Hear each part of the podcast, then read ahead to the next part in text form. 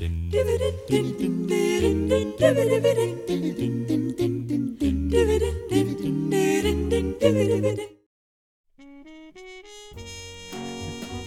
þetta var flott hjá mér. Það var náttúrulega uppi hérna annar sliði sem ég ætlaði að taka niður og þá tók ég bara niður. Svona er þetta, við vorum eins og við sögum frá upphæfi, við vorum sett í hérna nýtt stúdjó, bara hán fyrirvara og erum svona aðeins að þreyfa okkur áfram í, sko.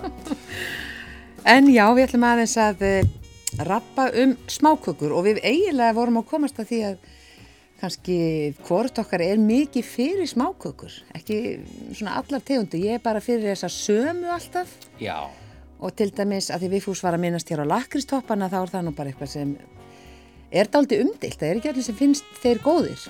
Mér finnst þið til dæmis alls ekki góðir. Finnst þið það ekki? Nei. Jó, mér finnst þeir nefnilega góðir. Já. Ég er hérna, ég ætla að játa hérna eitt sem er, kann, ég veit ekki hvort það teljist ekki sem svona uh, reynd og klart smáköku eða ég veit ekki, pipakökur hafa aldrei heitla mig. Nei. Hérna bara hendi ég þessu fram og bara vonandi fæ ég ekki skít og skömm fyrir það sko. Nei, nei. Þannig að þær hafa ekki heitla mig. Nei, einmitt. Mér finnst það heldur ekkert sérstakar, þannig að það eru ágætar, en við ætlum, já kannski ekki vera að tala um það sem okkur finnst gott eða ekki gott hérna, við ætlum aðeins að, Af hverju ekki? jú, við, kannski í og með, það er náttúrulega bara, við kannski verðum að gera því við erum bara tvö hérna. Já, já. En við fengum frábæra sendingu frá henni Solveigu Ólafsdóttur, sagnfræðingi, hún eh, skrifaði grein um smákökur Já. og við ætlum aðeins að uh, bara vitna í þetta, í, í þessa, þessa grein. Já, Og hún segir hér, fram á, fram á 20. öld var, þá var brauðið sparimatur og uh, jafnframt það sem já, almenningi þótti eftir sóknarverðast í mat og þetta, uh, sem sagt á öldum áður þá náttúrulega var þetta mjöl leysi sem átti rót sína að reykja til kulda og einagruna landsins og þannig að það var ekkert auðvelt að fá mjöl og þegar laufabrauði var, var baka þá e, var kannski þetta bara ein svona kaka sem, sem börnin fengu. Og það e, segir, það segir í þessu að laufabrauði hafi verið skapað svona eins og það er, e, sagt örþund einmitt af því að það var ekki mikið til af mjölinu. Já. og það er ekki með, fyrir en með tilkomu bakara og bakarofna í Reykjavík og Akureyri um aldamóti 1900 að smákökur taka riðja sér til rúms og uh, Það er nefnilega ekki fyrir en þá. Nei, og Hallgerður Gísladóttir, sérfræðingur þjóðminnasafninu, hún segir uh, hér að ímsar tegundir, til dæmis geðingakökur, hálmánar, vanulursingir og piparkökur komu frá Danmörku og unnu hér hrattland í lok 19. aldar og byrjun þeirrar 20. og smákökurnar voru seldar í bakaríum en voru samt ekkert sérstaklega bundnar við jólinn. Já, og í bókinni Læriða matbúa eftir Helgu Sigurðardóttur sem kom út árið 1934 þá eru einmitt uppskriftir að gýðingakökum, vanilurhingjum, kókos, makarónum, mömmukökum. Hvað eru mömmukökur? Og það? það eru æðislegar, það eru uppáldi hjá mér. Já, Það er svona, það er síróp í þeim, það eru ekki eins svona sterkar og piparkökunar og það eru mýgri og þú setur hvít krem á milli. já, svo er talað um tíkla hérna en það var vist engin uppskrift af piparkökum. Ég held að Helga Sigurðardóttir hafi verið sammála mér. Já. Já. Og það er sem sagt verðast ekki hafa verið ætletar úr bakaríunum í heima eldúsin með sama hætti og hinar smákökurnar. E, piparkökurnar komu á Akranes með e, matrislunámskeiði sem var haldið þar sent á fjórða áratögnum. Og svona matrislunámskeið voru haldið náðu til á Akranesi og þá komu hústjórnakennarar frá Reykjavík.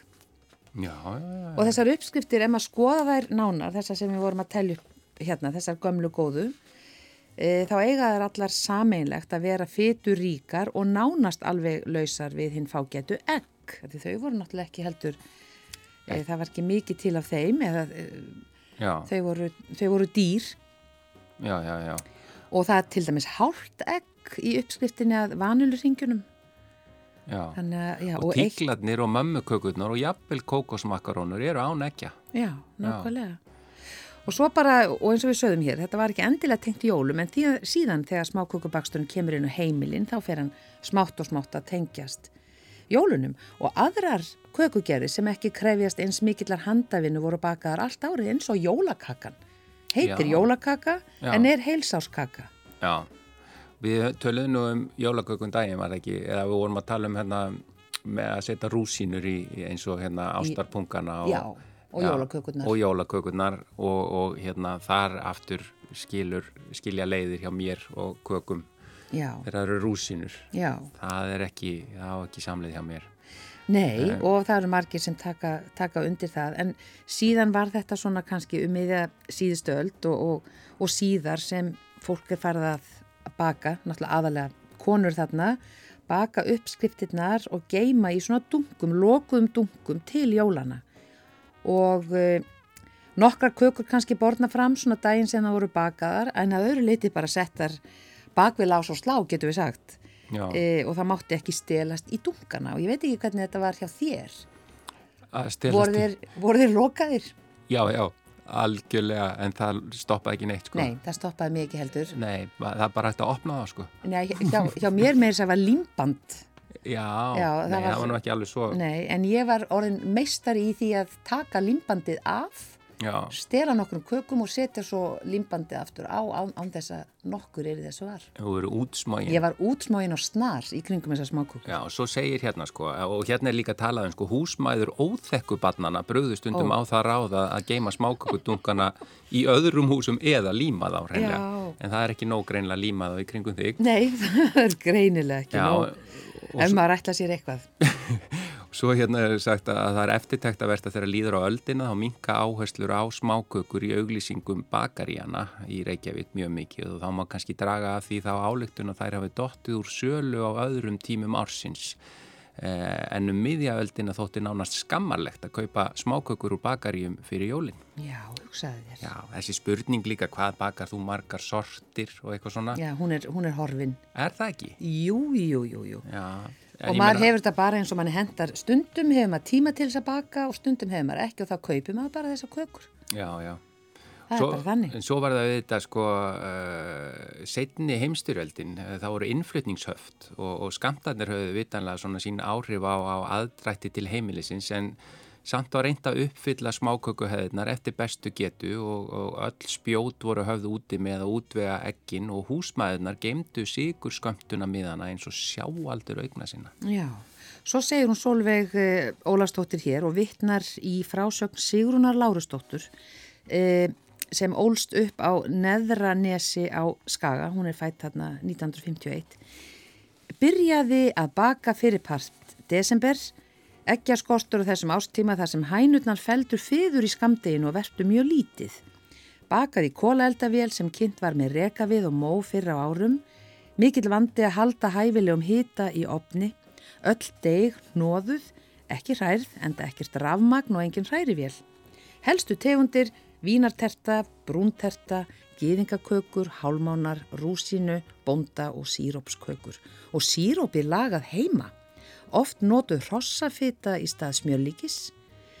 Og síðan kemur rafmagn í sveitafélagið 1974 og þá urðu ymsar breytingar í átt, í átt til nútíma hors og þá var meira um þessar hræðukökur, lagtertu botna og, og svona. En það er náttúrulega ríkir íhaldsemi á þessu sviði.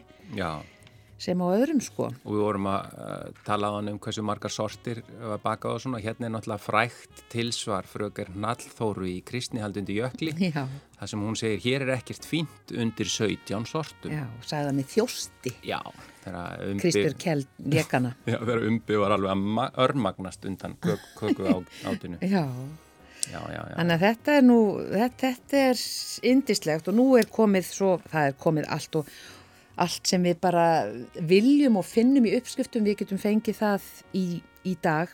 Já, sko, við fáum auðvitað alltaf uh, ábendingar uh, og hérna við fengum auðvitað frá honum Alberti. Nú, Já, þegar hann heyrði uh, að við varum fór að tala um smákökur, þá sendur hann hérna fáttir betra en vel stökkar smákökur og eitt af því sem gerir þar stökkar er skýrt smjör. Veistu hvað er skýrt smjör? já, það er gí, E, já, G-E eða G-H-E-E.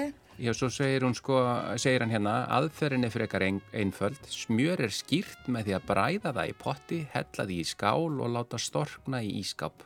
Þegar smjörið er storknað er það tekið úr skálinni og sirjan, þetta kvíta á neðra borðinu, er skafin af og hent. Þar með er skýrt smjör tilbúið. Já, þetta er mjög einfalt. Já, Hmm. Já, já. Eh, einmitt, það er nú gott að vita þetta til að fá þær stökkars. Já, þetta er til dæmis líka notað í bernesósu. Já, einmitt, Já. einmitt.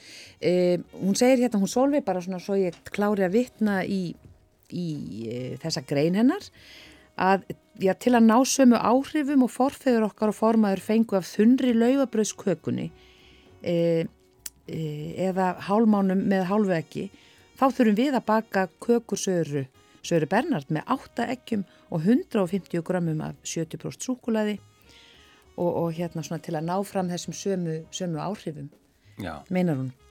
En já, þetta er sk- skemmtileg grein, en fyrir þá erum við búin að fá fleiri posta.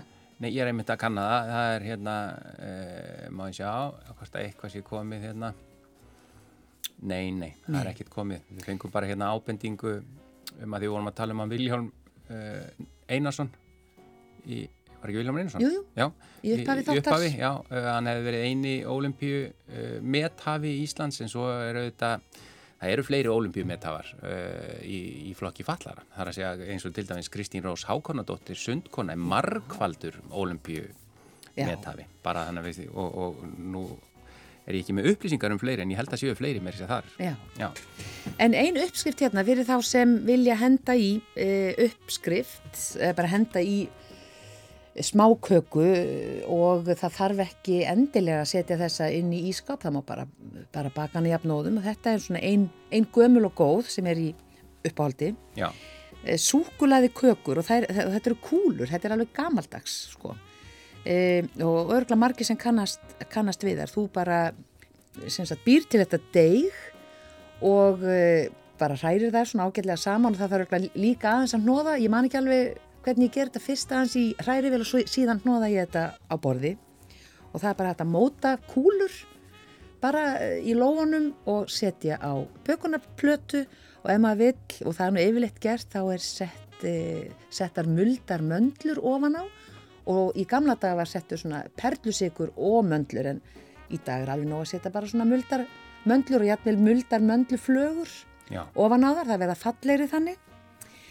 Og ef þið eru með penna þá er þetta bara svona einfalt, það eru 400 grömm af kveiti 250 grömm af sikri 400 grömm smjörlíki 2 egg eða smjöri, maður ræður 2 egg já og 200 grömm kókosmjöl og svo er hjartarsalt í þessu sem er nú ekki í öllum, öllum smákökum. Halv teskeið og síðan 6 teskeiðar kakó.